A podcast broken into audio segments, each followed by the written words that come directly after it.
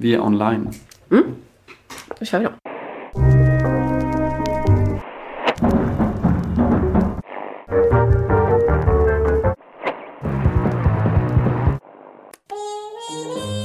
Han svarade och sade Eder är givet att lära känna himmelrikets hemligheter, men dem är det icke givet. Ty den som har, åt honom skall vara givet, så att han får över nog. Men den som icke har, från honom skall tagas också det han har. Them that's got shall have, them that's not shall lose.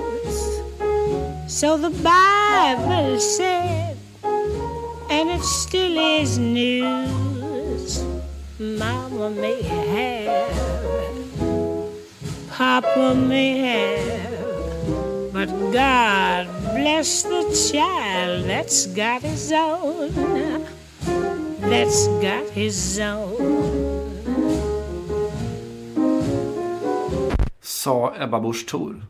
Det gjorde hon med all sannolikhet någon gång under sin uppväxt i Livets Ord. Men eh, om hon sa det så kan man säga att hon citerade, eller möjligtvis fultolkade, Matteus 13.12. Vi har citerat Bibeln tidigare i eh, Fotboll Radikal. Välkomna förresten. Välkommen eh, Simon Bank. Åh, tack så jättemycket. Mer bibelstudier åt folket. åt folket. Ehm, jag kom att tänka på detta i helgen, eller i förra veckan var det när vår, ändå får man säga, favorit WAG, även om det är lite trångt på tronen just nu, Pamela Anderson eh, tillsammans med sin eh, bo boyfriend Adil Rami lämnade Olympic Marseilles insamlingsgala för eh, hemlösa barn i Marseille, eller barn som har eh, ja, dåliga villkor och som växer upp i fattigdom. Barn som växer upp i Marseille helt enkelt. Precis så. Och varför gjorde hon det? Jo, för att eh, den stora insamlingen med pengar blev eh, helt plötsligt eh, och fick ett lite sånt tillägg. Nu ska vi också samla in pengar till Notre Dame. Och det tyckte Pam att någon måtta får det vara på det här. Då hade redan 10 miljarder, eller, vad det var, eller någon, en miljard är det väl då i svenska kronor, kommit in.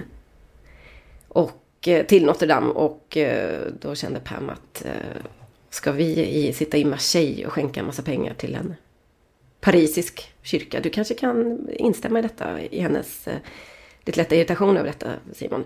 Så hon och Adil lämnade i alla fall eh, galan för de tyckte att det var barnen som skulle få pengar och inte eh, den redan övergödda katolska kyrkan och så vidare.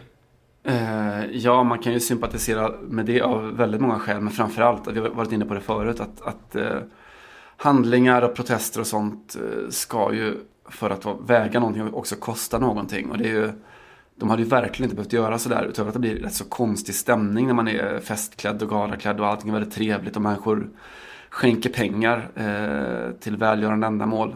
Oavsett om det är byggnader eller barn man skänker till så är det ju en fin och härlig stämning där såklart. Eh, som de ju eh, på något sätt sticker in en, en stor, stor nål i.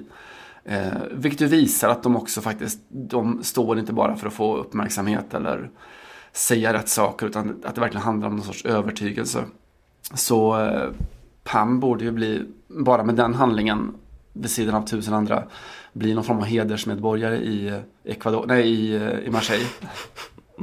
Spelar hon snart på i eh, Marseilles eh, backlinje? Jag börjar undra om inte det närmar sig ändå. Det skulle inte bli sämre om man säger. Hon har haft en, en, eh, en, en ganska så busy week sedan vi hördes sist. Hon har ju bland annat riktat ett brev till Stefan Löfven där hon kräver att den här svenska Ola Bin, heter han så, som eh, sitter tillfångatagen i alla fall i Ecuador ska friges. Eh, det har ju med hela den här Wikileaks-rörelsen att göra. Pamela Anderson är ju väldigt nära Julian Assange sedan många år. Eh, och så har hon lämnat en gala då och dessutom på slutet så har hon engagerat sig i den här eh, transnationella politiska rörelsen DM25 eller DM25. Som är någon, någon form av hubb kan man väl säga inför eh, e EU-valet och framåt för progressiva krafter inom Europa. Eh, De har samlat lite, det är lite allt möjligt där. Det är bland annat den förre socialistledaren i Frankrike, Benoît Hamon. Det är eh, både gröna, liberala och eh, radikala vänsterpartier som eh, ryms eh, hittills i den här ja, koalitionen, är väl fel att säga, men i det här initiativet i alla fall. Eh, den förre grekiske premiärministern är ju med där också. Yanis Varoufakis. ja, exakt vet han faktiskt. Janis Varoufakis. eh, och så vidare och så vidare. Eh, alltså lite, man, kan man få hoppas, alltså jag har ju famlat lite i, om man nu är som jag har sympatier egentligen för två stora europeiska klubbar, Olympic Marseille och Tottenham. Och haft lite svårt att få ihop det där. Alltså Tottenham med eh, en, det som i grunden kanske är en, en judisk identitet och eh, Marseille med en, i alla fall en läktaridentitet. som kanske inte är judisk på samma sätt med många nordafrikanska supportrar och en stor eh, ja, en stort ankare nere i den nordafrikanska världen. Eh, så jag har liksom haft svårt att få ihop var finns kopplingarna mellan Tottenham och, eh, och Marseille medan att de oftast förlorar då. Eh, och kommit fram till att det kanske är Pam som är hoppet där också. Nu ska hon ju föra samtal med, med Stefan Löfven, den kände Tottenham-supportern. Tottenham har inte vunnit ligan sedan 1961. Det är 48 år sedan. Kommer det dröja minst lika länge innan de gör det? Svar nej. Det visar vi nu att vi är på väg upp. Vi har legat ofta i mitten, nu är vi trea och eh, det dröjer inte så många år till så är vi längst upp. Det är kanske där jag landar till slut, att det blir Pam som löser det också. Det, alltså hon är ju en av just nu Europas, eller i alla fall alltså Frankrikes mest eh, eh, Frankrikes kanske tydligaste politiska radikala röst. Mm. Eh, vilket ju är, som de flesta konstaterar, inget man hade gissat för en 20-25 år sedan. Också intressant tycker jag att se när hon deltar på de här mötena. Det är ganska mycket olika festivaler och hit och dit. Men också när hon träffar de här politikerna som vi talade om då, Varoufakis och eh, Amon med flera. Och de ska liksom ta lite bilder med henne och man ser att de inte riktigt vet hur de ska se ut på de där bilderna. För att det, det blir en blandning av deras kanske 25-åriga jag som står där och bara okej, okay, här står jag med Pamela Anderson liksom. Hur, hur stort kan man le utan att det ser gubbigt och, och slemmigt ut? Eh, och samtidigt en, förstås en stor vilja att, eh, att välkomna henne i, i, i kampen någonstans. Ja, det är svårt att tänka sig en mer eh, alltså, fransk ödesfråga. En, en nation som i grunden är så oerhört, alltså får man säga sexistisk, det får man väl, där, där eh, 80-talets Pamela Anderson spelade väl in som den här unga kvinnan, unga sexsymbolen. Eh, som sen helt plötsligt börjar prata och inte bara prata utan liksom säga saker. Mm. Det är klart att det blir en, en, eh, en krock mellan världar där på något vis för väldigt, väldigt många. Ja, det blir lite det. Adil Rami har inte spelat en enda minut 2019. Eh, Om han inte spelar helgen, men det gjorde han inte va? Nej. Så att eh, man kan ju konstatera att hon har tagit över, vad ska man säga, rodret lite grann i, i familjen eller i, i paret. Och med den äran. Vad, vad har du gjort sen sist? Eh, ja, det krävs en del tankekraft för att komma fram till det. Jag har väl eh, mestadels eh, haft någon form av allsvenskt fokus. Sen har jag också begått eh, personligt varumärkesharakiri. Jag brukar ju ofta prata om Personliga varumärken, din... det, är, det är mitt personliga Syna, varumärke att prata om det. Synas på sociala medier och vikten av det och så vidare. Mm. Jag är glad att jag inte gör det ibland för då hade jag kunnat tala om att när Tottenham spelade sin nyckelmatch i helgen mot Derby mot West Ham så tillbringade jag de timmarna med att titta på Babblarna the Musical på Intiman. Mm. Ungefär samtidigt som Tottenham släppte in sitt förlustmål så satt jag väl och räckte upp händerna på order av Bibi eller Doddo eller Babba eller så. Eh, och var mest glad över att ingen, ingen riktigt såg. Att jag bara hade min inre blick att eh, konfrontera. Da, da, da, da, da, da, da. Bi, bi, bi, bi. Do, do, do, do. När du pratar om de där grejerna så känner jag mig ungefär som när resten av världen pratar om Game of Thrones. Du vet mm. när man antingen inte har småbarn eller inte streamar eh, stora tv-serier så fattar man typ ingenting. Shame! Men man hör att det är gott så att säga. Ja, och han hörde att det var, och han såg att det var gott. Ja, exakt. Som det står i Bibeln. Precis så. Mm. Ja, ja, ja. Själv har du jag, då? Suttit på, mm. jag har suttit på Stade de France och eh, skrockat lite för mig själv såklart, som man ju gör när PSG går på proppar som de gjorde i helgen. Eh, det var ju en, eh, återigen för att anknyta till inledningen, nästan biblisk eh, katastrof, eller en katastrof av bibliska mått i alla fall. Någon form av Ragnarök nästan när, när de förlorade den här straffläggningen och det kändes ju som att det stod 2-0 då efter 20 minuter någonting till PSG och jag tänkte att... Och Jakob Johansson var inte på väg in för Rennes. Jag tänkte att det blir inte mycket jobb här. Men eh, Rennes trodde. Salma Hayek eh, bad en bön, såg man på Instagram, och eh, blev bönhörd. Och det som... Den sista lilla, ska man säga, strimma av, av respekt eller av värdighet försvann lite grann. Också i PSG, inte bara på grund av resultatet, men också då att eh, Kylian Mbappé blev utvisad för en jätteful stämpling som man, ja, man absolut inte förstår varifrån den kom. Eh, Neymar var tillbaka från start och gjorde i och för sig en väldigt fin match, men gick ut efteråt och gnällde på att de unga i laget inte lyssnar på oss lite äldre. Och de lyssnar inte på tränaren och här har vi ett problem. Och, ja, det är en, en jättespricka i hela det där omklädningsrummet. Och eh, PSG får ju väldigt lite sympatier någonstans ifrån. Eh, absolut inte från resten av världen, verkligen inte från resten av Frankrike. Och inte så mycket från sina egna supportrar heller just nu.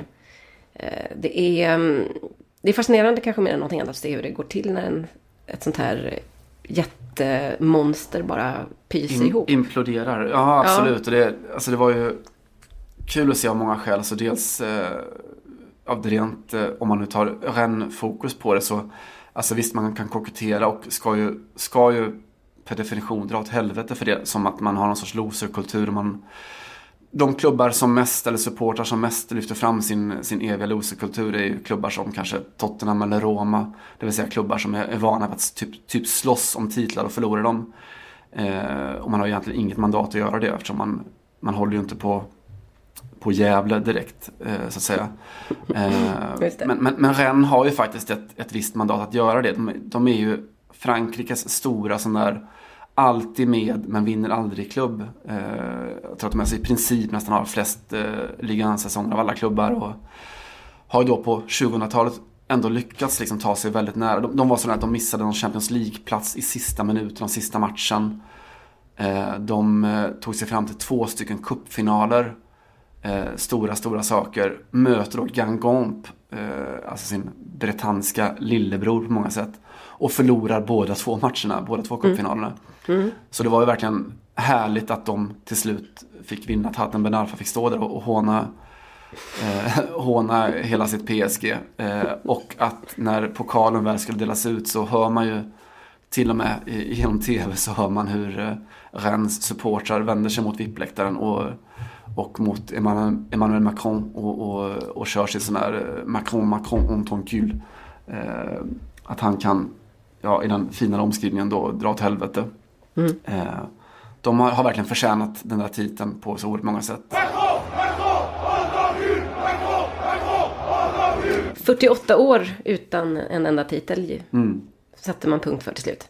Och Ben Arfa älskade man ju i alla fall i några minuter där när han stod i grät på inneplan. Då kände jag att eh, det här är ju äkta. Och det, är, det, det mesta med honom är väl äkta. Sen så kom liksom det första sticket då att eh, nu visar jag minsann min gamla klubb och presidenten Nasser El Khalifi att man kan inte mobba ut folk för till slut så kommer de tillbaka och äter upp en. Och, och sen så bildade han någon form av ytterst ohelig allians med Adrien Rabiot då, som är den andra utmobbade i klubben. Och sa att eh, han såg fram emot att om de spela ihop med honom i framtiden, eller ja, någonting åt det hållet i alla fall. Eh, var på Rabiots mamma och agent Veronique gick ut och tackade för stödet. Eh, svårt att säga vad, om det är bra eller dåligt varumärkesbyggande. Men eh, det var i alla fall en, det var en, eh, alltså en ljuvligt provinsiell stämning utanför Stade France efteråt. Det var verkligen bilar som åkte runt och tutade, folk som satt på taken och eh, halsdukar som liksom viftades med överallt. Och sen så, och jag var lite uppspelt och gick ut och tog en öl med en kollega efteråt. Eh, på ett, det blev väldigt sent så att vi fick liksom söka oss till ett av de där ställena inte så långt ifrån um, Sacré-Cœur, eller inte så långt ifrån Moulin- Moulin Rouge då i, i Montmartre. Som har uppe, du vet någon så här riktigt rövig, äng, alltså irländsk pub om du tänker dig, som är uppe till fem. Och det var ju fullt. pub. Ja, bara det. Eh, och det var fullt med Rennes-supportrar som sjöng och dansade och var sådär, eh, du vet sådär sprittande glada som man, som man är. Och som, det är där man behöver se ibland för att det är inte riktigt, inte ens när PSG vinner en titel så är det den stämningen riktigt i, i Paris. Det är lite mer blaserad stämning. Eh, gjorde gott för mitt, eh, min, min framtida tro på fotbollen måste jag säga. Det där är väl det enda goda som finns med den här nya tidens totala hegemonier. Att när den väl faller så känns det ju nästan värt det. Att, eh, att, att PSG inte kan förlora känns värt det när de väl förlorar, ungefär så. Eh, och man kan översätta det med, med Real Madrid eller Manchester City eller vad man nu vill. Just det. Det var ju en annan, eh, ska man säga, ett, ett annat ganska stort moraliskt fall. Det var väl i helgen också. När eh, Zlatan Ibrahimovic hamnade i bråk. Mm, Hans eh, LA Galaxy slog, gjorde de väl? Eh, Real Salt Lake. Real Salt Lake. Vi, har ju många Real som vi följer här i podden. Ehm, och blev...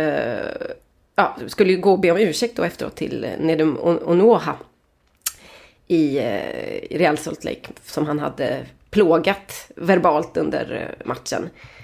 Och ni har fysiskt. säkert, eh, precis. Och eh, ja, be, om ursäkt. Inte, jag kunde bara komma på en enda gång som Zlatan har gjort det. Och det var ju efter den här damfotboll, dam, cykelincidenten för några år sedan. När damlaget blev, eh, och många blev väldigt irriterade på Zlatan för att han hade uttryckt sig nedsättande om, om dam, damlandslaget. Och de kunde få en cykel med hans autograf och, och så vidare. Ni minns detta. Eh, eh, och Noah vägrade att skaka Zlatans hand. Han sa att han beter sig som en gangster och han sa saker till mig som är oförlåtliga. Jag tänker inte acceptera hans ursäkt. Well, he came in to apologize after the game because you know from 60 minutes in, he's saying to me, he's going to do me, he's going to he's going to hurt me for that game. And this is, you know, this is a guy who's the face of the MLS as he calls himself, but this is the way that he plays on the field. So I don't care if someone comes in and tries to says that to me. You don't say that on the field. I don't care. I'm not going to. I'm not going to accept his apology. It's unacceptable. Här vill jag ju känna att, eller här vill jag ju påstå någonstans att det är, det är ett litet paradigmskifte. Det handlar väl kanske lite grann om att det här sker i USA, där Zlatan förstås är den stora fixstjärnan, men där sporten i sig inte är så traditionstyngd så att så att man automatiskt ser upp till de här spelarna på vilka villkor som helst. Eh, och kanske också en liten försmak på livet efter fotbollen där man, där man inte kommer undan med vad som helst och inte Zlatan kommer göra det heller.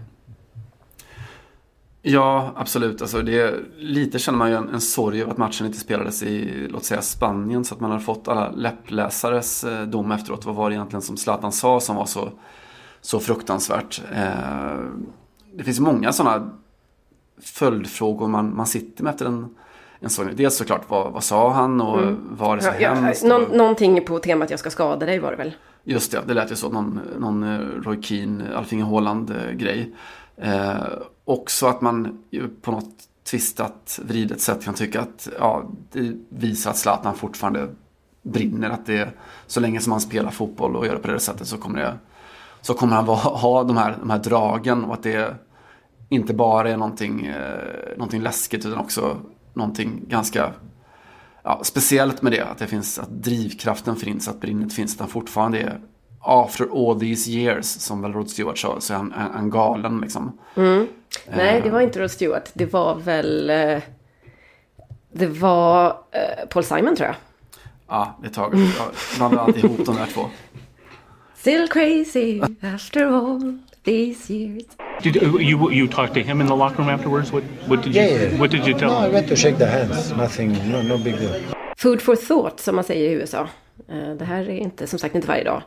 Men eh, jag har ju diskuterat i eh, podden och i alla möjliga sammanhang. Och jag vet att våran kollega Patrik Bränning skrev för några, några månader sedan att vi måste återsocialisera fotbollsspelarna. Eller återanpassa dem till samhället eller något sånt där. Det är väl det lite som håller på att ske här. Eh, kan jag känna att eh, Real Salt, Lakes eh, och Noah tar sitt ansvar. Och, och så att säga återsocialiserar Zlatan lite grann. Så här, de här reglerna gäller liksom i samhället när man inte är kung längre. Gud ja, fotbollen har mycket att, att, att lära sig där. Jag brukar ha det som en sån här återkommande sak ibland när man får... Jag menar, fotbollen har ju sin, sin terminologi och sitt tonläge och allt sånt där. Och ibland man som, i sin roll som, som journalist så kan man få ett, eh, ett supportermail. Man har skrivit någon liten en bisats som, eh, låt säga, är felaktig eller sådär. Och då får man inte höra att du, din bi- bisats var felaktig utan man får ju en, en utläggning om vilken total idiot man är. Eh, och jag brukar liksom rekommendera någon som skriver att kör samma grej hemma när någon snickare renoverar hos dig och sätter en spik fel. Eh, och lycka till i så fall med ditt kök eller badrum eller så.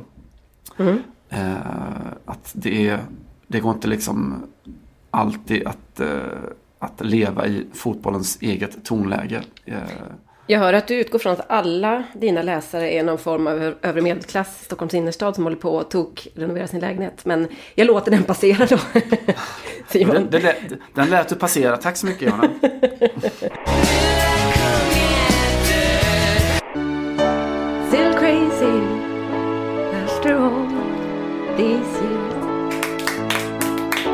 Vi har ju damernas eh, Champions League också.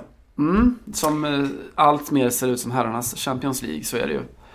Eh, Det är intressant. Ja, så är Det Lyon, Lyon överlevde eh, till slut. Eh, enklare än man kanske hade trott, i alla fall än vad jag hade trott. Och framförallt såklart att Barcelona, vi har pratat mycket om, om damfotbollen i Spanien, att Barcelona tar steget även på, på damsidan då fram till en Champions League-final. Och det häftiga med det var att jag, jag såg inte matcherna, jag satt upptagen med jobb.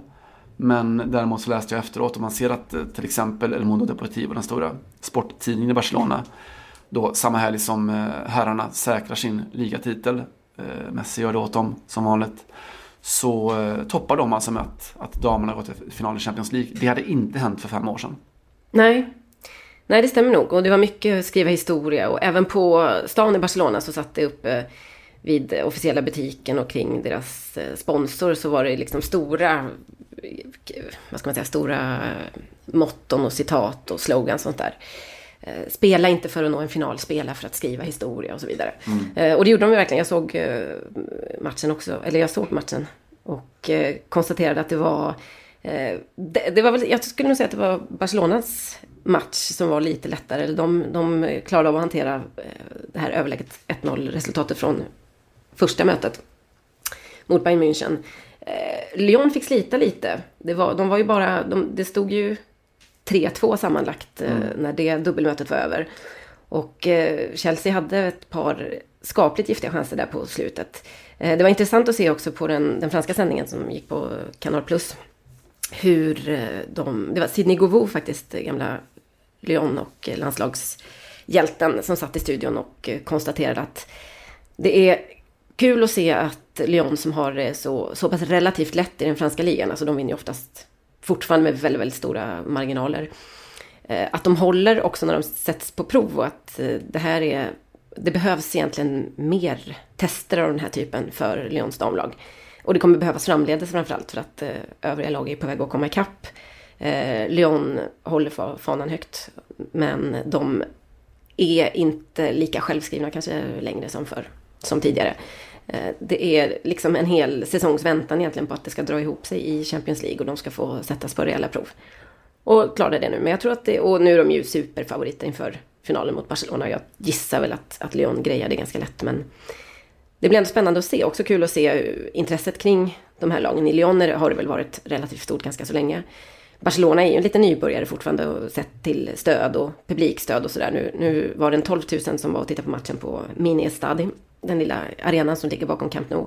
Men det var ju framförallt många av herrspelarna, alltså i, i herrlaget, som var ute och stöttade. Och Piqué först då, som sa att eh, alla till arenan och sen så både Busquets och Sergio Roberto. Jag såg flera stycken som var hejade på och gratulerade sina kvinnliga kollegor. Så att, eh, ja, det är ett sånt år helt enkelt.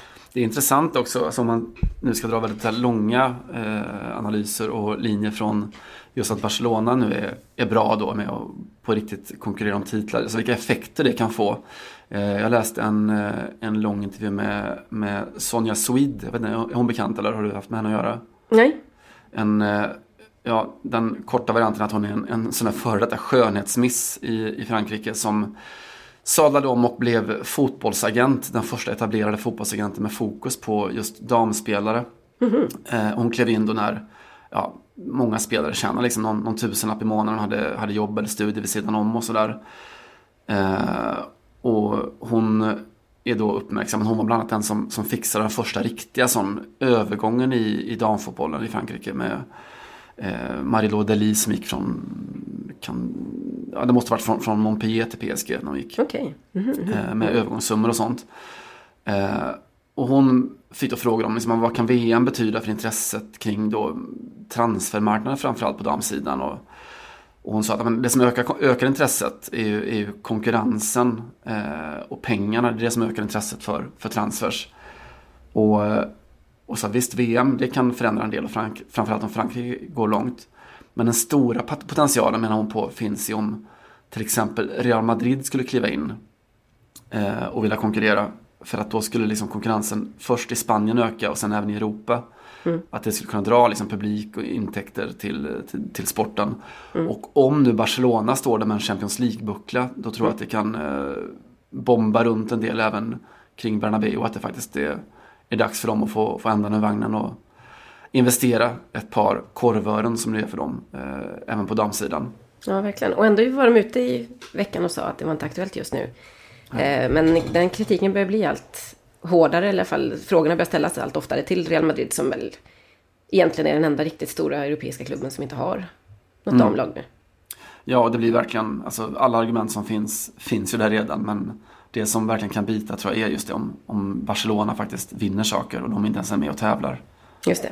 Så det kan hända en del mm. tack vare det. Mm. Ska vi prata lite här Champions League också? För det drar igång i, kväll igen. Ja, det sägs ju att det gör, gör det. Eh, och jag har ju redan missat min Tottenham-match för veckan. Eh, men ska ju se det är ju Tottenham mot Ajax ikväll. Och det är klart att alla oberoende sympatier ligger ju på, eh, i knät på Ajax av oerhört många skäl. Och fantastisk berättelse, en fantastisk lag, fantastiska spelare och fantastisk fotboll. Eh, det finns jättemånga skäl att hålla på dem, både i den här matchen och i en eventuell final. Eh, intressant tycker jag är, och det är mindre skrivet i alla fall i, Sverige, är väl det som förenar Ajax och Tottenham. De är lite av vänklubbar eh, sen ganska många år. Och de är det då i, i kraft av sin judiska identitet.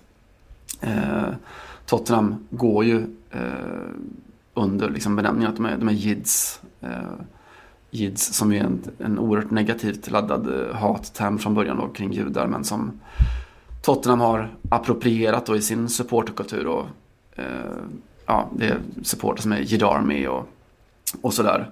Mm. Eh, Ajax har ju exakt samma läge. Eh, vart i Amsterdam Åst, judiska kvarter från början. Många judiska klubbledare från 30-talet och framåt och en del judiska spelare också. Eh, och på båda arenorna så kan man liksom se Davidsstjärnan, du kan se israeliska flaggor. Och, och i mångt och mycket, utöver liksom den historiska basen, så kommer det här väldigt mycket av att rivaliserande klubbar då har, har riktat väldigt mycket antisemitism mot båda klubbarna.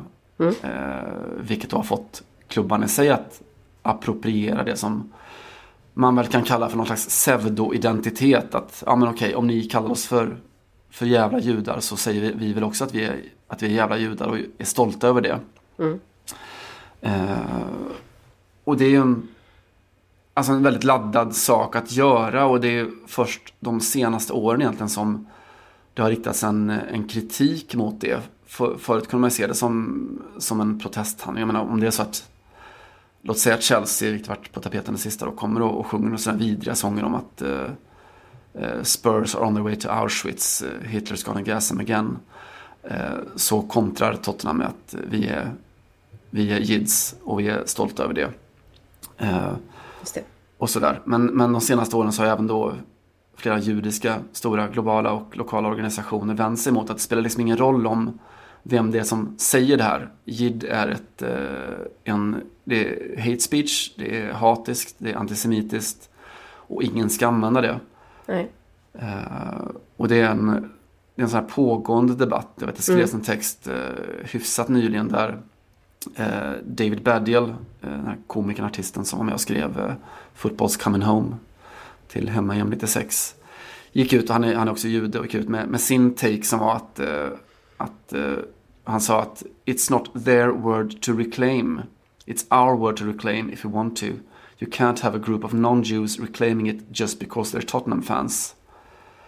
Och på mm. andra sidan då står eh, Simon Cooper, eh, Ajax-supporter i grunden. Och, ja, han, är väl, han är väl den kanske mest centrala fotbollsjournalist vi haft på 2000-talet då. Mm. Bosatt i eh, Paris faktiskt. Mm, just det. Han är väl väldigt mycket världsmedborgare, lite sydafrikan, lite nederländare, lite engelsman. Eh, ja, han är ju fruktansvärt eh, global i sin, sin uppenbarelse.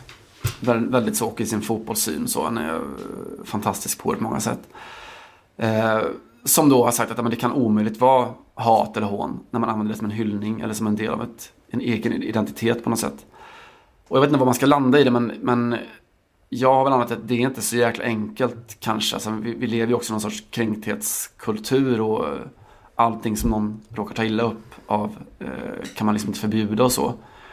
Men eh, jag har väl också kommit till att för mig så är det inte så som varandes goj då. Eh, inte så jävla viktigt att kunna stå och skrika Jidarmi på läktaren eller och skrika Jiddo när Christian Eriksson, eh, Christian Eriksson gör mål. Eh, så att det är värt att kanske eventuellt då kränka en, en, det som verkar vara en hyfsat stor grupp människor. Så det finns något att, att göra upp med där fortfarande för både Ajax och för, för Tottenham.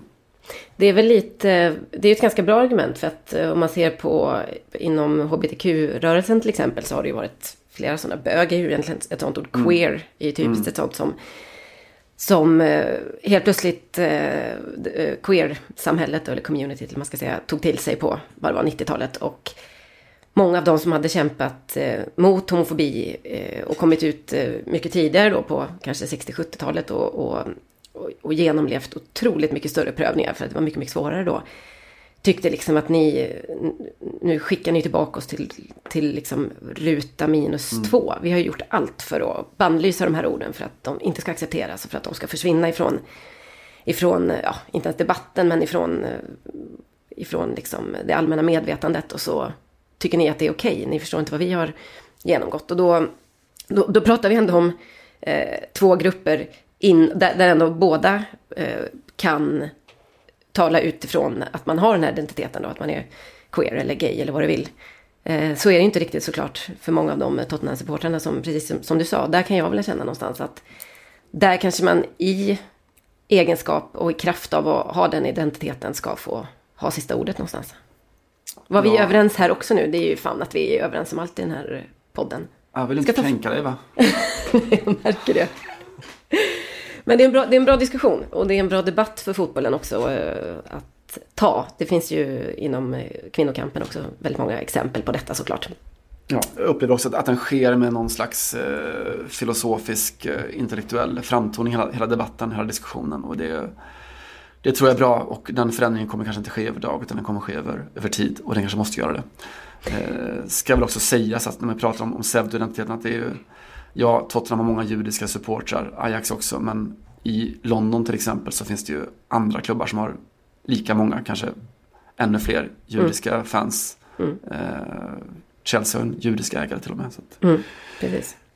Men det är ju intressant eh, om vi ska prata lite om matcherna för att jag har ju hoppat på det här Ajax-tåget såklart. Lite, inte från första stund, men eh, allt eftersom man har sett dem och blivit helt eh, golvad liksom av den här eh, fantastiska framåtandan och att de tror på det så mycket och att de spelar som fantastisk fotboll.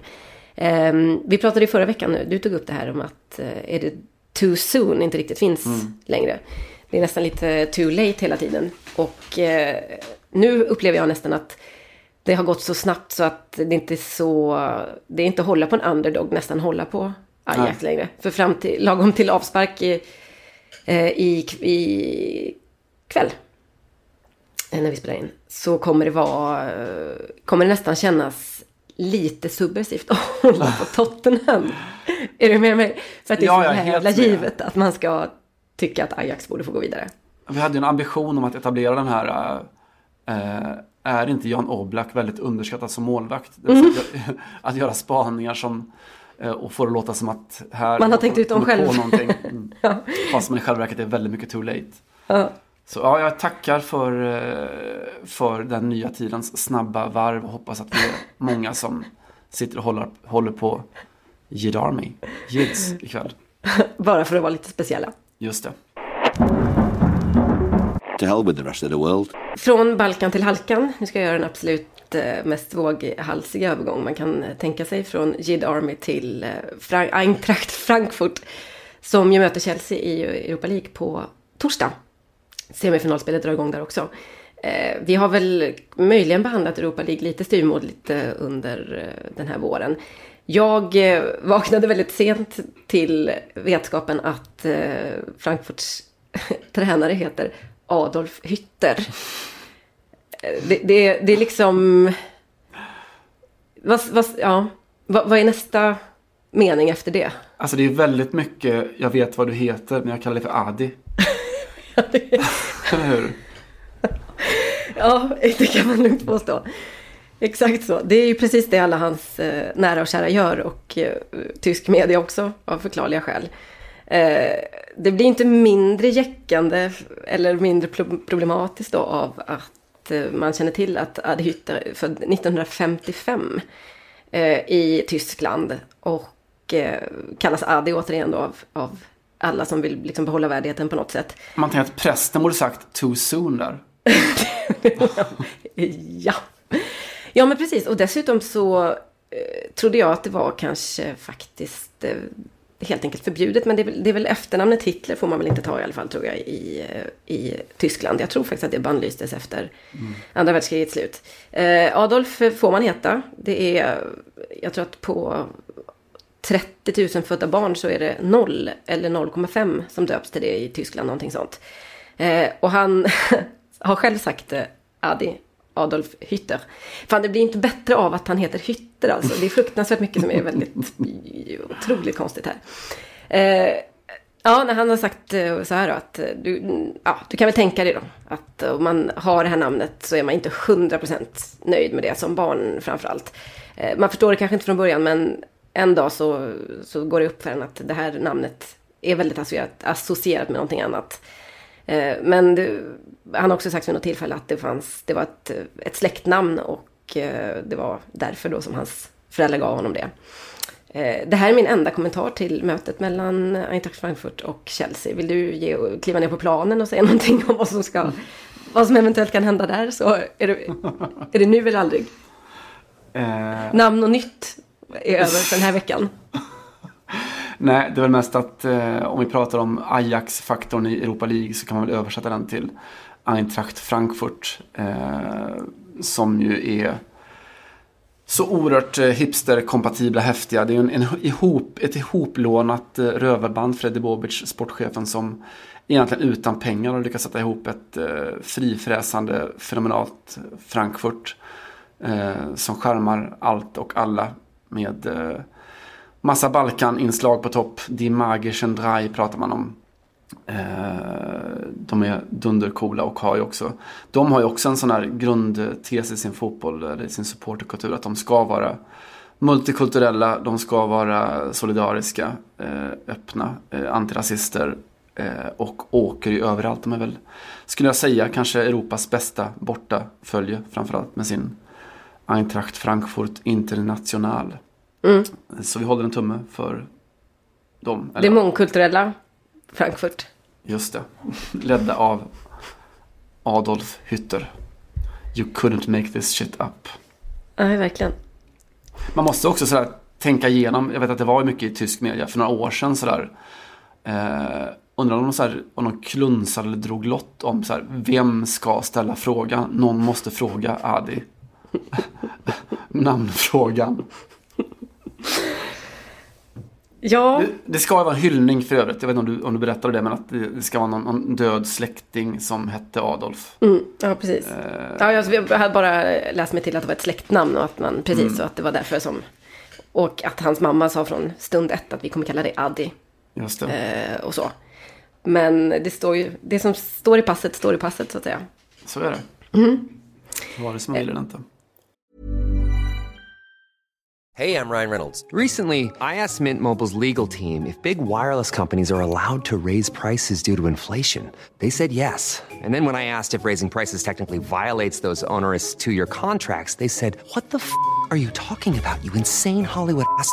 So to recap, we're cutting the price of Mint Unlimited from $30 a month to just $15 a month. Give it a try at mintmobile.com slash switch. $45 upfront for three months plus taxes and fees. Promo for new customers for limited time. Unlimited more than 40 gigabytes per month. Slows. Full terms at mintmobile.com. Om vi tar oss till eh, de brittiska öarna, jag vet inte om vi ens han lämnar dem riktigt där med eh, Tottenham och Chelsea och så vidare.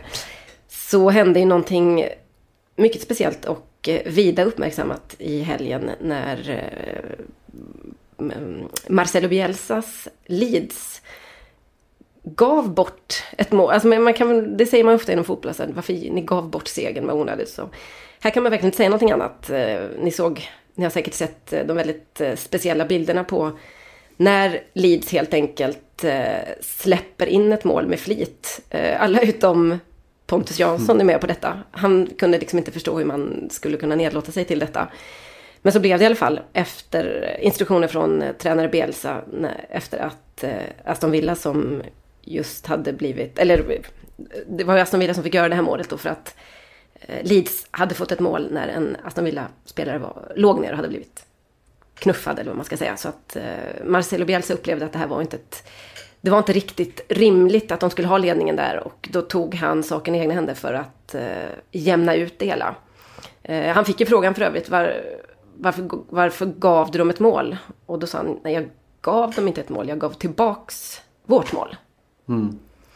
Eh, Bielsa som eh, nu då, och Leeds som eh, är utom eh, direkt uppflyttning. Däremot så är man ju på playoffplats inför uppflyttningsspelet eller playoffspelet. Ja, det kan ju vara ett mål som kostar miljarder. Så, så är det Det kan ju, beroende på vilken placering de får, så förändras lottningen i, i det som då verkar bli playoff. Just det.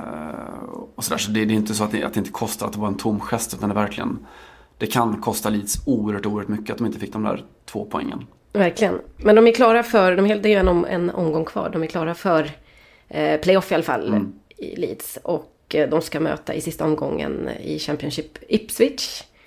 Eh, Bielsa hade lite svårt att, inte prata om den matchen, men han hade lite svårt och fick ta hjälp av sin översättare eller sin tolk. Eh, för att prata om den matchen. Det, det lät så här. Estar disponible para el partido de Ipswich Ipswich. Ipswich. Ipswich. Ipswich. Bueno. Me doy por derrotado. Ok, I give up. han klarar inte av detta. Eh, men han kan ju väldigt mycket annat. Ska vi bara liksom eh, filosofiskt resonera lite kring vad det var som hände i matchen mot eh, Aston Villa. Har du sett något liknande först och främst Simon? Vad är det närmsta man kan komma att ge bort ett mål eller ge tillbaks ett mål på det här sättet? Alltså det man kommer att tänka på Uh, ur det engelska perspektivet är väl det här som Dicano, Dicano, Dicano fick en massa Fair Play-priser för. Uh, mot Ever, ja, Everton var det. var Paul Gerard, målvakten i Everton som låg skadad och, och West Ham går till anfall. Men eh, istället för att göra mål så tar då Dicanio bollen i händerna för att han vill inte göra mål när, när målvakten ligger utslagen. Eh, det, fanns ju, alltså, det kan ju hända, men då pratar vi om en enskild spelare. Men det här är alltså mm. instruktioner mm. från tränarbänken. Det ja, det är svårare. Ja, ja alltså. Paralleller man kan dra är väl lite att, att både Di och, eh, och Bielsa kom ju in i matchen med vissa sådana här moraliska frågetecken kring sig. Mm. Alltså Di som har eh, gjort Saluto Romano, alltså heilat i Lazio, och pratat om sin sin fascistiska övertygelse och, och sådär. 90-talets mest kända fotbollsfascist får man väl säga. Det får man säga, absolut. Mm. Och, och, hade knuffat domar i och sådär. Eh, Bielsa har väl den här, när han har nått eh, världsmedia den senaste otroliga säsongen med Leeds så var det väl den här Spygate han skulle då spionerat på, på motståndarklubbars eh, träningar och sånt då. Eh, Derby var det va? Mm. Just det. Eh, Frank Lamps Derby. Eh, så det finns ju alltså i bådas fall och just i Leeds fall också en, en vad hade hänt om de inte hade gett tillbaka? Det hade varit så här återgå 40 eller 50 år till, till Dirty Leeds. Eh, John Revis Leeds liksom. När man verkligen var sådär eh, försten Machiavelli Leeds som inte skydde några medel längre för att nå framgångar. Mm. Eh, så var hade, var hade Leeds befunnit sig om de inte hade gjort så här kontra var, var befinner de sig nu då i någon form av allmän opinion så är det ju såklart otroliga, det är som, som svart och vitt som bara går. Mm. Ja, det är en bra aspekt. Det är ju intressant för att vi pratar ju om fair play lite då och då. Det händer ju som sagt, alltså i den mån spelare gör den här typen av gester så brukar vi få mycket uppmärksamhet och, och applåder och så. Men det är ju svårt att komma på något tillfälle där det har kostat så här mycket som sagt. Eh, och det är inte förvånande att det kommer från Bielsa. Men det är intressant att han säger att eh, det var självklart. Eh, brittisk fotboll är ju känd för att vara den mest rättvisa eller mest, ja, där det här hör hemma helt mm. enkelt. Eh, vilket väl alla kanske inte kände riktigt längre är eh, liksom den allmänna uppfattningen om, om, om engelsk fotboll det, det, är mer en självbild än någonting annat. Ja, men han hade hållit sin, sin bild av brittisk fotboll intakt från en 50 år sedan någonting då antar jag. När han, man kanske upplevde att den var i alla fall väldigt eh, rak och inte så mycket filmningar och trams och sånt där. Utan det var lite mer rakt på. Inte så bögigt för att återkoppla till förra veckans Nej, lite ofina exakt metafor. Mm. Ja, nej, my- mycket givna metaforer faktiskt, eh, Mm. Simon. Tack. Eh, eh, vad gör Bielsa för fotbollen och världen? Han gör sån här grejer. Jag har funderat lite på det. Jag, har inte något eh, exakt svar på detta. Men han ställer ju eh, han ställer ju inför väldigt, väldigt många frågor om rättvisa och, och det ena med det andra. Och det, det är klart att det är väldigt, också extra speciellt att det kommer från en tränare som är så otroligt geniförklarad. Eh, men också väldigt eh, oförstådd eller svår, svårförklarad eller vad ska man säga. Det, ju, det finns ju så mycket, han är ju sånt enigma Bielsa på så många sätt och har ju varit egentligen överallt han har befunnit sig. Och det, det kan vara i Marseille där han får sparken, det kan vara i Lille där han liksom, han kan hoppa av ett tränaruppdrag och sen så hoppa på det igen. Och sen, det är som att han bara följer en inre kompass på ett sätt som ju är, jag kan ju tänka mig som sportledning, alltså sportchef eller president för en klubb så sliter man ju sitt hår. Och nu börjar man också förstå att det, är en viss, eh, det innebär en viss risk att ta Marcelo Bielsa eh, som tränare för att det, det, kan, det kan bli så här. Man kan tappa jätteviktiga poäng i slutstriden för att få en bra playoffplats och så vidare. Eh, samtidigt så vitaliserar han ju såklart fotbollen på ett sätt som nästan ingen annan riktigt lyckas med längre. Alltså min, min take på Bielsa. Eh, ni kan, jag kan för övrigt rekommendera en, eh, en hyfsat nyutkommen bok. Hasse Backe har gett ut en bok med, som är för er, er taktiska nördar snarare än någonting annat om, om just Bielsa, fenomenet Bielsa. Och Just det, han, han, han är ju helt upptagen av honom ja. det kan man säga, han är Mm. totalt besatt, eh, Bielsista.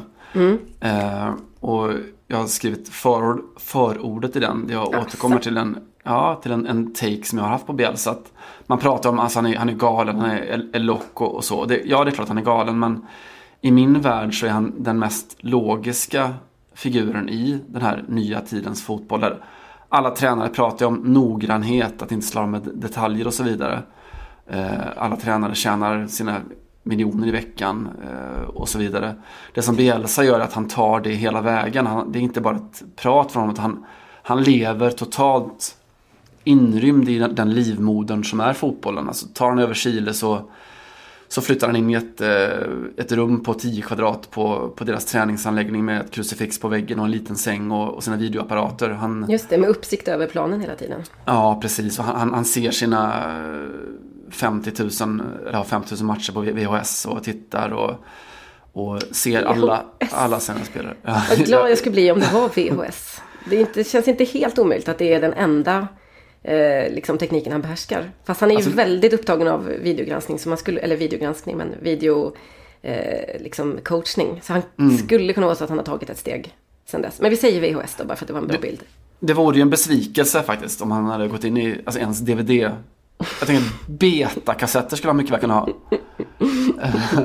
Och ja, men, man, man gillar honom så mycket för det CD-ROM hade jag kunnat köpa faktiskt. Eh, att han, han tar det här galenskapen som vi andra liksom lever i eh, halvt med ena foten. Där kliver han in med hela sin, sin runda fysionomi. Eh, och sådär. Det är lite som Thåström sa, det är ni som är, konst, som är de konstiga. Ja. Det är jag som är normal. Precis så, exakt så.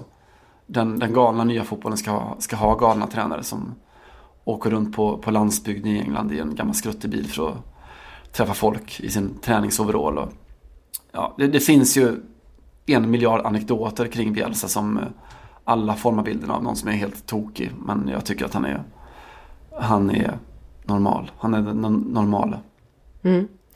Eh, Bielsa som eh, kommer från klubben från början, Newells Old Boys.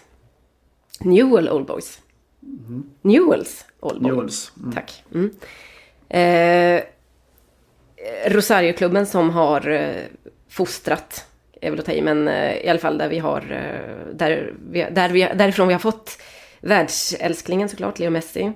Eh, vår älskling Marcelo Bielsa då, din älskling Mauricio Pochettino. Eh, Fotboll Radical älsklingen Jorge Valdano, bland många andra. Eh, det är en klubb som befinner sig i en djup ekonomisk kris.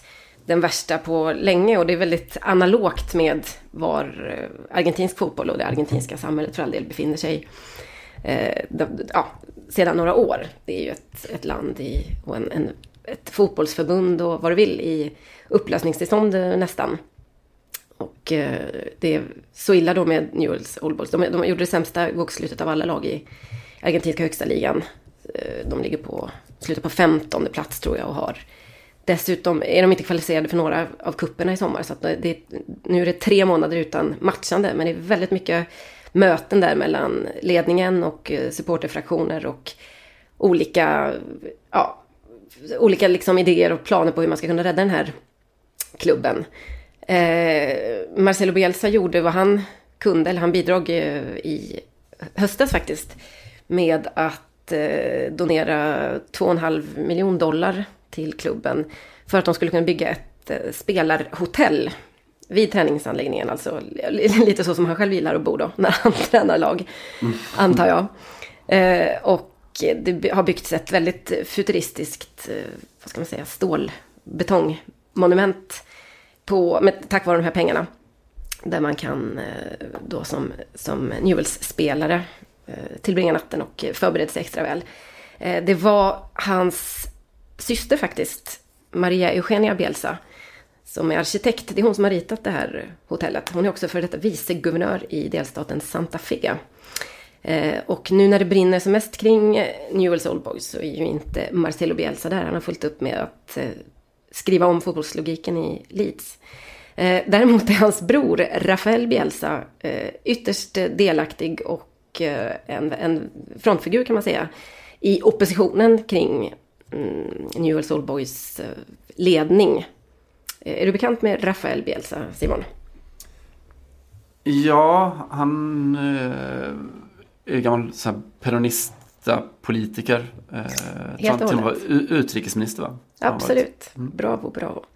Eh, advokat är han, eller jurist, och eh, före detta argentinsk utrikesminister, precis, för det dåvarande regeringspartiet eh, Justicia, ja, Justicialista.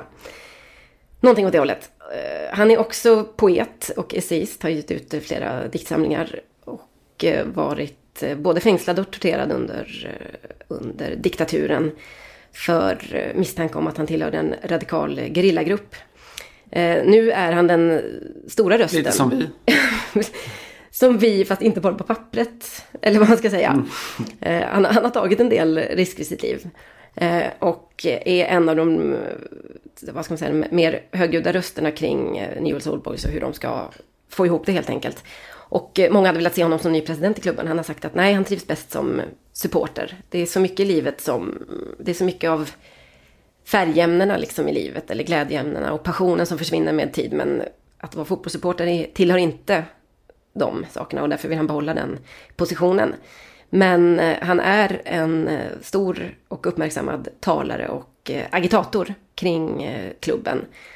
Vi kan väl bara önska att de får ordning på ekonomin och att den här institutionen i Rosario får leva vidare. Lite av en förtidsprofil, men jag skulle säga att hela familjen där, för det är, inte, det är väl inte alla familjer som har då en arkitekt och före detta viceguvernör, en före detta utrikesminister, advokat och eh, gerillaagitator och en, eh, ett eh, tränargeni och Leeds-tränare i syskonskaran. Nej, vi är ganska få. Vilka, vilka finns det? Jag tänker, är det de här Anette Kullenberg och Claes Borgström i Sverige? Det är väl den släkten möjligtvis då. Eller Parneviks kanske. Wahlgren såklart. Just det. Ja, jag tror att man utan, utan att förhäva sig kan säga att eh, familjen Bielsa är Argentinas eh, Wahlgrens. Ja, precis. Ungefär så. Ska vi knyta ihop eh, Newells-säcken med två stycken fina anekdoter därifrån? Eller, det tycker jag. Fakta. Det ena är, en, är lite vag i konturerna men den handlar om när, när Bielsa var, var tränare där. Eh, de hade förlorat stort någon match, var på en ultrasgrupp då bestämde sig för att söka upp tränare Bielsa hemma hos honom. Eh, Bielsa öppnar iklädd pyjamas. Och, och, och undrar... Det här är redan bra. Ja, vad fan vill, vad fan vill ni? Eh, var på de här då såklart extremt tuffa eh, våldsbenägda ultras vänder sig om och springer därifrån då, jagade sägs det av Bielsa. Mm. Och eh, följdfråga såklart, men varför sprang de? Jo, det var inte för att han hade pyjamas på sig utan det var för att han i ena handen hade en handgranat. Så, eh, och det sista vill jag bara tala om att Newell's Old Boys spelar sina matcher. Eh, vet du var någonstans? Uh, nej, jag vet bara att det var ett, ett stort nybyggt hotell på träningsanläggningen. Det kan man säga. Man kan också säga att de spelar på Estadio Marcelo Bielsa. Ja, ja, det, ja givetvis. Ja, det känner jag till. Sen, mm. det, jag tror att de firar tio år med hans namn faktiskt, eh, arenan. 2009 tror jag att den döptes efter honom. Uh, han har inte gjort dem besviken sedan dess kan man säga. Inte ett dugg. Fotbollny, radikal. Ska vi hålla oss kvar lite i Argentina då? För att det har hänt saker på damsidan där. Eh, San Lorenzo, ett annat eh, legendariskt argentinskt lag, har som första argentinska Påvens lag väl? Ja, absolut. Mm. Påvens lag, precis. Eh, en Buenos Aires-klubb som, jag tror fan att, jag räknar på det, jag tror att är det mer än hälften av klubbarna i argentinska första ligan som är från, från Buenos Aires. Det låter sannolikt. Ja, så att eh, Newell's Old Boys är ju ett litet undantag där då från Rosario. Skitsamma, San Lorenzo skriver som första argentinska klubb proffskontrakt med sitt damlag. Eh, det skedde nu tidigare under eh, april månad och Macarena Sanchez, 27 år gammal, blev först med att plita ner detta till tårar i princip. Det var väldigt, ett väldigt uppmärksammat tillfälle. De, hela damlaget samlades och skrev på det här kontraktet då. Tidigare så var det så att... Hej Macarena! Exakt! Precis så. Eh, det var nämligen så att eh, argentinska damlag har haft, jag tror att de har haft eh, lön från förbundet om jag har förstått det rätt, till åtta spelare per klubb. Någonting sånt. Men klubbarna själva mm. har inte behövt betala någonting. Och nu så skrev då San Lorenzo proffskontrakt med eh, 15 av sina spelare. Vilket gör att de dubblar den här siffran och tar på sig den ekonomiska bördan, eller vad man ska säga, själva. Eh, Macarena Sanchez är eh, en stridbar kvinna. Hon är 27 år gammal och eh, blev, fick sparken från sin förra klubb. Eh, Urquiza. Eh, Urquiza. Urquiza säger jag. Vi ska ju ha argentinskt uttal såklart. Inte något spanskt läspande. Eh, hon stämde klubben eller, eller ställde dem inför eh, rätta helt enkelt. När eh, tidigare år, eller om det var i höstas. För att bedriva caset, eller driva caset då att eh, de skulle betala henne precis som eh, vilken arbetare, arbeterska som helst. Och att idrotten inte kan stå utanför detta. Eh, nu finns det då kollektivavtal som gör att eh, man ska få betalt då som kvinna. Och eh, San Lorenzo har inte gått ut med några löner. Eh, det är väl förstås inga jättepengar men det finns i alla fall en minimitröskel där. Eh, hon stämde dem och blev klubblös och sen hörde San Lorenzo av sig då till Macarena Sanchez som blev den första kvinnan att plita på det här tillsammans med 14 andra klubben. Eh, det var fint också för att eh, Macarena Sanchez har ägnat den sista tiden när hon har varit klubblös att eh, också ta del i eller vara en drivande röst i, i kvinnofrågan i stort i Argentina. Bland annat så har hon engagerat sig i frågan om att legalisera abort. Och eh, det händer väldigt, väldigt mycket på den sydamerikanska kontinenten i kvinnokampen och eh, kanske händer det mest i Argentina av alla länder där.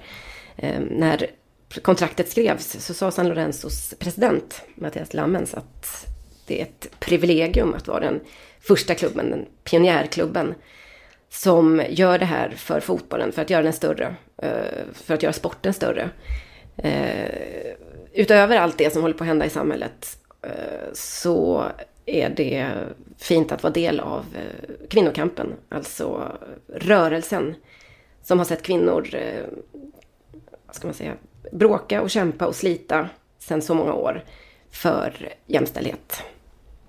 Alltså kan, kan inte du tänka ibland, apropå det här och... Fan, jag får ju rysningar fast jag sitter och ja. lyssnar på mig själv. Men det var inte mina ord då. Får, får du inte alltid det? det kanske, kanske bara jag. inte, alltså, inte på den här nivån kan jag säga. Mm. Eh, nej men alltså man kan känna att gud vad man kommer sakna den här tiden när man dör om 30 år eller så. Att det är så häftigt att det händer så oerhört, oerhört mycket. Att det, ja, det händer oerhört mycket för att det inte har hänt särskilt mycket förut. Men att det är en, det är en sån vital brytningstid som man lever i. Eh, och att det, det finns ett privilegium att faktiskt få vara med. Ja men så är det absolut. Jag kan ju känna någonstans att eh, det är nästan i Sydamerika man vill befinna sig nu. För att även om det är väldigt mycket som går åt helvete i länder som Brasilien till exempel där. Så händer det en jävla massa i de andra länderna. Och att eh, vi pratade ju om eh, James Rodriguez och Falcao förra veckan. Hur de hade ställt sig bakom U17 damlandslaget i Colombia. Efter att det rapporterades om sexuella trakasserier där från, från högre ort inom förbundet. Eh, här ser man också en klubbpresident som eh, så att säga sätter det här i ett historiskt perspektiv och säger att det är ett privilegium att vara del i mm. kampen för kvinnors rättigheter och eh, jämställdhetskampen. Saker som i Europa nästan är lite kontroversiella att säga just nu. Ja. Vill jag påstå. Och som absolut inte hörs från eh, Särskilt ofta från eh, damfotbollshåll eh, i alla fall. Åtminstone återigen då inte i norra Europa. Vilket ju är en eh, rejäl... Alltså vi har ju en... Jag ska inte säga att vi har en backlash men vi, det går mycket, mycket mer framåt på andra kontinenter och på andra breddgrader. Både södra Europa och Sydamerika.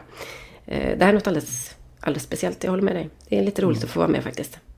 Men vi borde ju flytta dit i och för sig. Jag, alltså, jag hade ju inte haft något emot att sitta och podda från La Bombonera nästa säsong. Jag är på. Eh, mm. har, de, har de bara Babblarna the Musical så är jag med. jag tror att de har allt.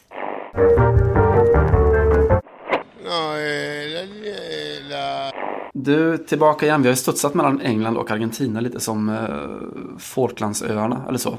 Ja, som Marcelo eh, Bielsa. Eh, som Marcelo Given Bielsa. sån, ett shit däremellan.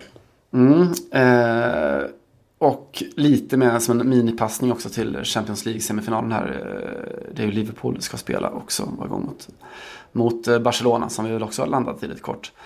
Eh, och bara konstatera att det händer ju rätt mycket saker i, på fotbollsfronten i Liverpool. Eh, Everton som krossar United och Liverpool då som krossar alla utom City möjligen. Eh, men eh, som ni i SVT skulle sagt, det finns ju andra klubbar också. Mm. Eh, och jag tänkte berätta om den då, eller en av dem. Eh, City of Liverpool FC. Eh, relativt okända får man säga ur en svensk horisont av förklarliga skäl. De spelar ganska djupt ner i seriepyramiden. Men det som är speciellt med City of Liverpool FC är att de eh, är just en förening, medlemsägd då. Eh, vilket är speciellt i England såklart.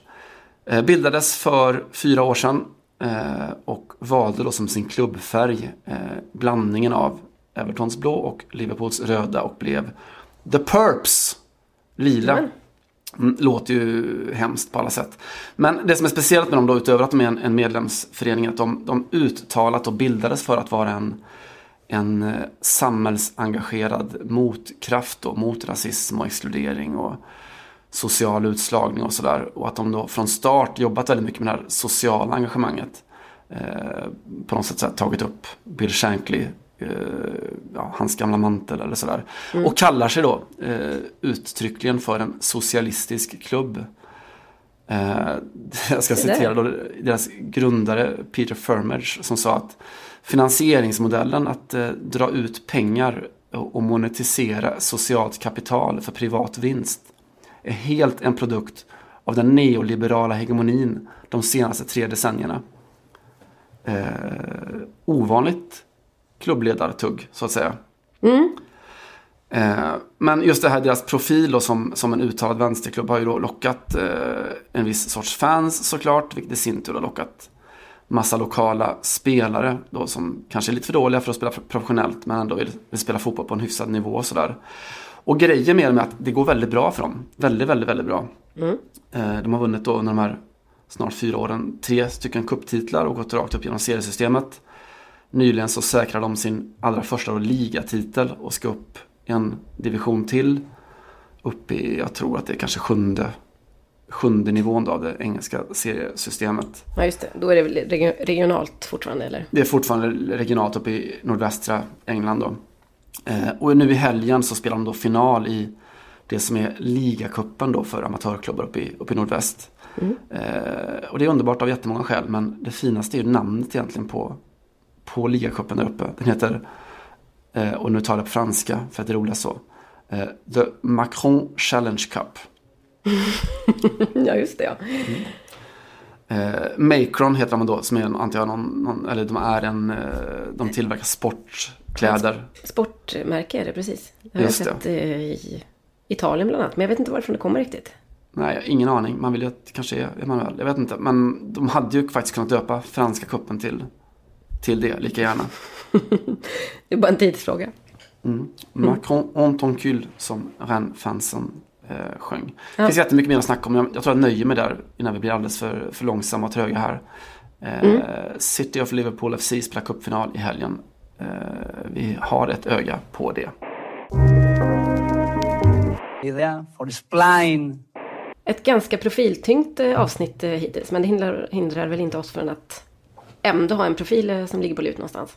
Det har aldrig hindrat oss. Eh, jag tänkte vara väldigt så summarisk i det faktiskt. Och bara konstatera att Spanien har ju Famous fått en... last words. Famous long last words. eh, jo, att det har hänt saker i Spanien nu. De har haft, eh, gått till val och fått eh, Pedro Sanchez då in som premiärminister i någon slags minoritetsregering. Eh, Inte klart än, va? Nej, det är inte klart än. Regeringen, regeringsbildningen är inte klart än. Men det, Nej. det här går ju smidigt för sossar världen över. Ring Stefan. Ställ dig i kö efter Pam. Pam kanske kan lösa det, det är inte omöjligt. Nej, det är verkligen Eh. inte omöjligt. Hon har ju ändå gått ut och sagt att hon hade förhandlat fram en bättre Brexit-deal än den dåliga som Theresa May kom med. Jag håller inte det för otänkbart på något enda sätt. Verkligen inte. Nej men då vann ju Socialistpartiet vann ju valet i Spanien på, ja, så som Socialdemokrater vinner val nu för tiden. Det är lite som när, när Tottenham eh, mötte City och förlorade med 4-3 men gick vidare på VAR. Att man... Ungefär så. Ja, just det. Eh, men Pedro Sanchez i alla fall eh, får vara veckans profil. För vi måste ju ändå reda ut var han står i de viktiga frågorna. Och då pratar jag inte om vården eller skolan eller omsorgen eller så. Utan om, eh, om fotbollen såklart. Det är ju en Mm. viktig fråga. Mm. Han är alltså i grunden en basketspelare. Eh, basketbesatt kille. Mm. Eh, men det som alla ville veta då när han kom fram på scenen var ju om han är Barca eller om han är Real Madrid. Mm. Och han har då tidigare refererat mycket till eh, Luis Enrique och Pep Guardiola då han har pratat om politiska strategier. Mm. Men eh, har då kommit fram att han håller inte på Barcelona utan han håller på Atleti. Den perfekta, den perfekta socialistiska kompromissen för att vinna val känner jag i, i eh, Spanien. Jag tror inte att det är en helt oväsentlig faktor faktiskt. Givetvis inte. Kanske inte för att vinna ett lokalval i Madrid men för att vinna hela Spanien. Just det. Men de är inte så Eh. stora där ändå i Madrid. De är väl inte det? Alltså, jo, i, Eh. kanske i Madrid som stad är de väl okej, men i, i hela den Mm. Kastilien, den regionen, så är det ju väldigt mycket högernationalism och Partido Popular, högerpartiet nu. Just det, just det. Eh, han, eh, Pedro Sanchez dyrkar eh, Cholo Simeone och har också pratat om hur politiken ska gå vidare och sagt att eh, partido a partido, match för match. Eh, ett citat som alla i Spanien känner till. Det är ju Diego Simeones själva credo för sitt, sitt ledarskap. Också roligt att det betyder parti för parti. Eh, Exakt. det kan han ju få nytta av nu när han ska förhandla med de här olika. Han får ta det parti för parti helt enkelt. Nej, de gick inte. Nej, Ciu- Ciudadanos sa nej. Jaha, nej. Det har vi slutit den social, socialdemokratiska säcken tror jag. Partido a partido. Eh, Vilken, och- vilken sossepodd vi gör eh, den här veckan Simon. Någon gång ska vara den första. Ja, det finns ju mer radikala partier också, säger jag då i SVT-anda. Ja, eh, men eh, från eh, det och in på någon slags eh, kultur tycker jag. Mm. Behöver det. Ja, precis. Jag ska faktiskt göra först bara ett litet tillbaka tips. Eh, det var ju redan ett dåligt tips för att det var så smalt när jag tipsade om eh, L'Equipes eh, fotbolls och eh, hiphop-podcast. Föll det väl ut skulle du säga? Un, deux. Alltså det, lyssningen har ju stigit ganska rejält där. Men det roliga var ju att det första avsnittet som gästades av bland annat Mamadou Sakho låg väldigt länge ute som det enda. Alltså jag tror att det, vi var uppe på en månad. Jag tänkte så här, okej, L'Equipe har inte riktigt förstått det här med poddar. De, de tror att man gör ett avsnitt så är det en podd helt enkelt. Men gulligt ändå, den var ju väldigt välproducerad så. Eh, det har kommit ett nytt i alla fall avsnitt nu och det är eh, rapparen Kalash och det är eh, Olympique Lyonnais stora backstjärna eh, Wendy Renard som eh, pratar om fotboll och och eh, musik tillsammans. Eh, Wendy Renard är den här 1,85 meter långa, världens kanske bästa mittback de senaste tio åren. Eh, och de har det gemensamt att båda kommer ifrån eh, Martinique. Så de är antillais då, som man säger, alltså västindier, eller kommer från Antillerna. Eh, Martinique är ju ett departement, så det tillhör ju Frankrike fullt ut. Men man har förstås också en egen identitet där på många sätt och eh, ja, får stå emot en hel del fördomar på samma sätt. Så de pratar jätteintressant om detta. Eh, så den kan ni lyssna på, alla ni eh, 0,2 procent som är både intresserade av fotboll och rap och eh, flytande på franska. Eller om ni vill lära er kanske. Eh, jag tyckte nästan det roligaste var att eh, i slutet av podden så säger han som håller i det då, så här till Wendy Renard. Tu parlais des garçons, mais il y, a- il y a quand même une- il se passe quand même quelque chose depuis plusieurs années autour du foot féminin. Il y a une vraie expansion. On en Le parle de- foot joué par les femmes. Tu préfères, pardon, autant pour moi. Alors, Voilà, le foot joué par les femmes. Pour- pour- pourquoi cette Just det, han säger då bla bla bla, damfotbollen. Och då avbryter Wendy och säger eh, nej, foot joué par les femmes. Det heter inte eh, foot feminin, alltså damfotboll, utan det heter fotboll som spelas av damer. Det finns ingen herr eller damfotboll. Eh, det här googlade jag runt lite på och se om det var en debatt som fanns. Så jag har inte hittat så mycket belägg för det än så länge, men det kanske kommer. Det var ett intressant eh, ställningstagande tyckte jag från Renard, som då menar att eh, vi ska, kalla, vi ska inte kalla det damfotboll, vi ska kalla det fotboll när den spelas av damer. Om det är det man menar, men det är ingen skillnad på sporten som sådan. Lite som kanske på svenska vi pratar om eh, kvinnovåld länge. Och nu säger man ju mäns våld mot kvinnor för att eh, belyser exakt vad det är som sker och vem som gör vad och så vidare. Eh, det här var inte mitt, nu hör jag som du, det här var inte mitt kulturtips. Eh, utan det var bara en liten eh, recap och eh, återkoppling till ett tidigare kulturtips. Nej, jag ska egentligen bara eh, faktiskt tipsa om en radiokanal som jag har haft som min sån go-to i ganska många år. Den är italiensk, heter Lifegate Radio och eh, bildades för en tio år sedan kanske, någonting sånt, möjligen lite mer. Eh, med, eh, av några glada amatörer vill jag kalla det, det kanske de inte var, men ett initiativ där man gör eh, hållbar radio. Det är en musikradiokanal så att det är musik hela tiden. Den är väldigt bra. Det är otroligt mycket bra musik då, långt ifrån hits kan man säga. Men framförallt så sticker de emellan med en hel del tips på hur man kan leva ett mer hållbart liv. Eh, det är ganska mycket prat om miljörörelsen generellt och Greta Thunberg dyker förstås upp där då och då också. Eh, vi har ju, eller jag har i alla fall uppmärksammat det, att den här skolstrejk för klimatet är en enorm rörelse i Italien. När en och en halv miljon barn och ungdomar gick ut i hela världen för eh, en månad sedan lite drygt. I den här stora globala skolstrejken för klimatet så var alltså en miljon av dem i Italien. Det kan vara bra med Italien för att oftast är det ett land som när man betraktar det från utsidan så undrar man vad i helvete det är som pågår. Eh, När man är bekant med landet eller bor där så vet man ju att det finns otroligt mycket motrörelser till all idioti som sprids och så. Om man ska översätta det till så här Sverigedemokrat så att man förstår, alltså en och en halv miljon italienare sa du det? Mm, så det är, Det är alltså 400 000 en och en halv miljarder euro. miljard människor. Ja. Jättemånga faktiskt. Mm. Eh, de har för övrigt då Lifegate. Jag känner faktiskt några av, eh, eller en av killarna som var med och eh, startade upp det i Rom. Det är en, det är en eh, milanesisk kanal från början och det finns frekvenser i hela Italien. Nu har man lagt ner frekvensen i Rom och sänder bara digitalt sedan februari i år. Och det visar sig att detta, med detta sparar man in 90% i koldioxidutsläpp faktiskt. Mm. Fråga mig inte exakt hur. Du kan ju mycket om det här med hållbara batterier och sånt där så du kanske kan utveckla det. hur som helst så är det här faktiskt, det är väldigt lite prat och eh, så kan man italienska så är det ändå mysigt att lyssna på men modellen, eller musiken är helt internationell och väldigt bra. Eh, jag slår ett slag för Lifegate Radio helt enkelt. Eh, det får bli veckans kulturtips. Perfekt bakgrundsmusik vad man än gör. Det gör det helt rätt. Jag tänker att Wendy Renard hade kunnat säga, om vi ska liksom eh, dra, dra in det där med, med damfotboll eller fotboll för damer och så vidare. Hon skulle ha sagt som Oscar Wilde sa en gång, eller skrev antar jag. Football is all very well as a game for rough girls, but it, it is hardly suitable for delicate boys. Just det. Han visste vad han snackade om. Bra. Eh, mer musik på det då? Mm, tycker jag. Ta oss Eh, härifrån. Ja, ska jag sjunga först eller? Eh, absolut. Då gör jag det.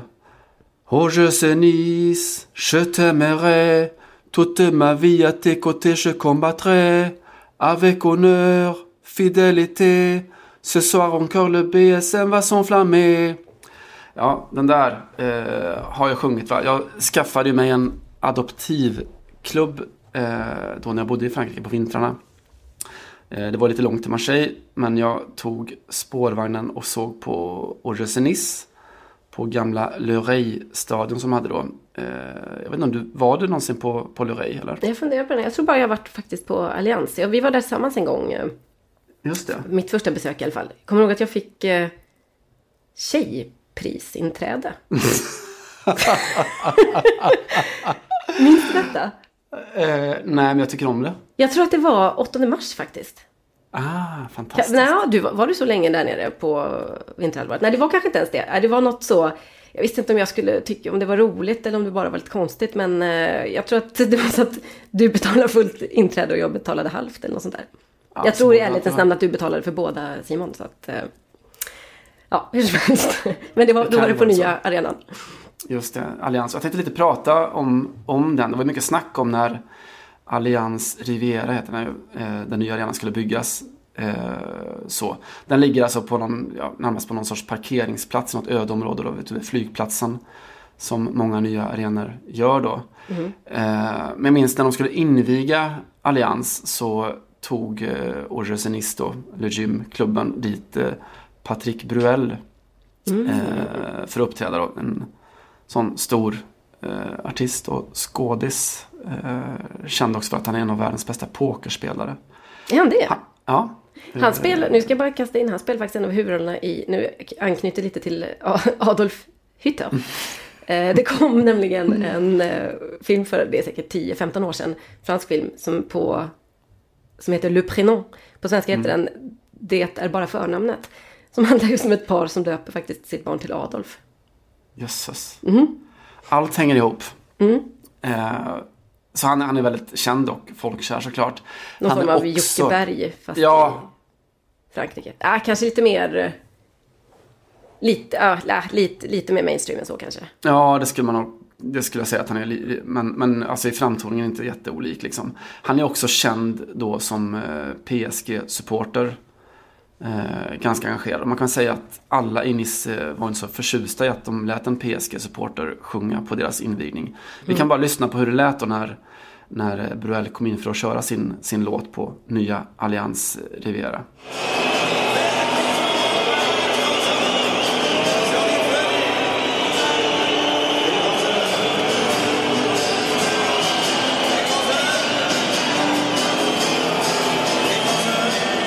Ja, nu hör jag att det, det, det passar sig ju inte det där såklart. Då, då kan man fråga vad hade Nice-publiken velat höra istället? Eh, och då tyckte ju många att varför körde ni inte Dick Rivers istället? Mm. Eh, som, alltså Dick Rivers kanske den, jag vet inte, den franske Elvis kan man säga om man vill göra ner honom lite. En sån där oerhört älskad centralgestalt för när, när rocken kom till, till Frankrike på 60-talet. Just det. Eh, men i Nice så var han lika mycket då slaktarens grabb från eh, Avenue de la République. Eh, någon minut bara från, från min lägenhet i Gamla stan där upp mot, upp mot museerna ungefär. Eh, eh, jätteomtyckt då, en, eh, en musiker som han gav ut alltså 30 album, alltså lite Jerry Williams eh, evig i sin, sin framtoning då. Mm, det är nog en väldigt bra jämförelse faktiskt. Elvis vill jag ju känna att det kanske är lite mer Johnny Hallyday som Ja. ju gick bort här häromsistens. Jag ska inte föregripa din prata men ehm, precis, Jerry Williams, bra. Mm, lite så. Och lite på Jerry Williams sätt också. Han turnerade fast han hade fyllt 70 och ett par år till liksom. Och slutade aldrig. Han, han hade en jeansjacka. Eh, han, han liksom berättade om han fick sina första Levi's jeans som sjuåring. Hur stort det var. Och sådär. Men den- han, hade, han var känd för att han bar alltid en jeansjacka. Eh, sån här vintage-grej från 33. Som han bara hade tvättat en enda gång. Eh, och Dick Rivers han var väl ingen jätterebell på slutet så. Han eh, omfamnade Sarkozy och gjorde ingen jätterelevant musik och sådär. Men i Han dog vintras... inte som Jerry Williams. Nej, han gjorde inte det. Han gjorde inte det. Eh, I vintras så läste jag någon, någon intervju med honom i, i Nice Matin, lokaltidningen i, i Nice. Eh, han hade fått cancer, eh, men han sa också, vilket var fint, att han, han eh, fortfarande var då som lyckligast i livet när han gick upp på scenen. Eh, min enda dröm är att få fortsätta, var rubriken. Eh, och det fick han inte då, eh, för nu i veckan så somnade Dick Rivers in. han borde fått inviga Allians Arena, Allians Riviera, men vi i Fotboll Radikal kan väl ta och minnas honom lite grann ändå. Men en låt som mycket väl hade kunnat vara ett tema för hela vårt värv i den här podcasten. Det här är C'est pas vi hörs om en vecka, kompisar. Ciao. C'est pas sérieux, mon amour, mon amour, de s'embrasser comme ça dans la rue, n'importe où. C'est pas sérieux, mais c'est bon, mon amour, quand ta bouche affamée se promène sur mon cou. Et moi si timide, timide, je me sens solide, solide,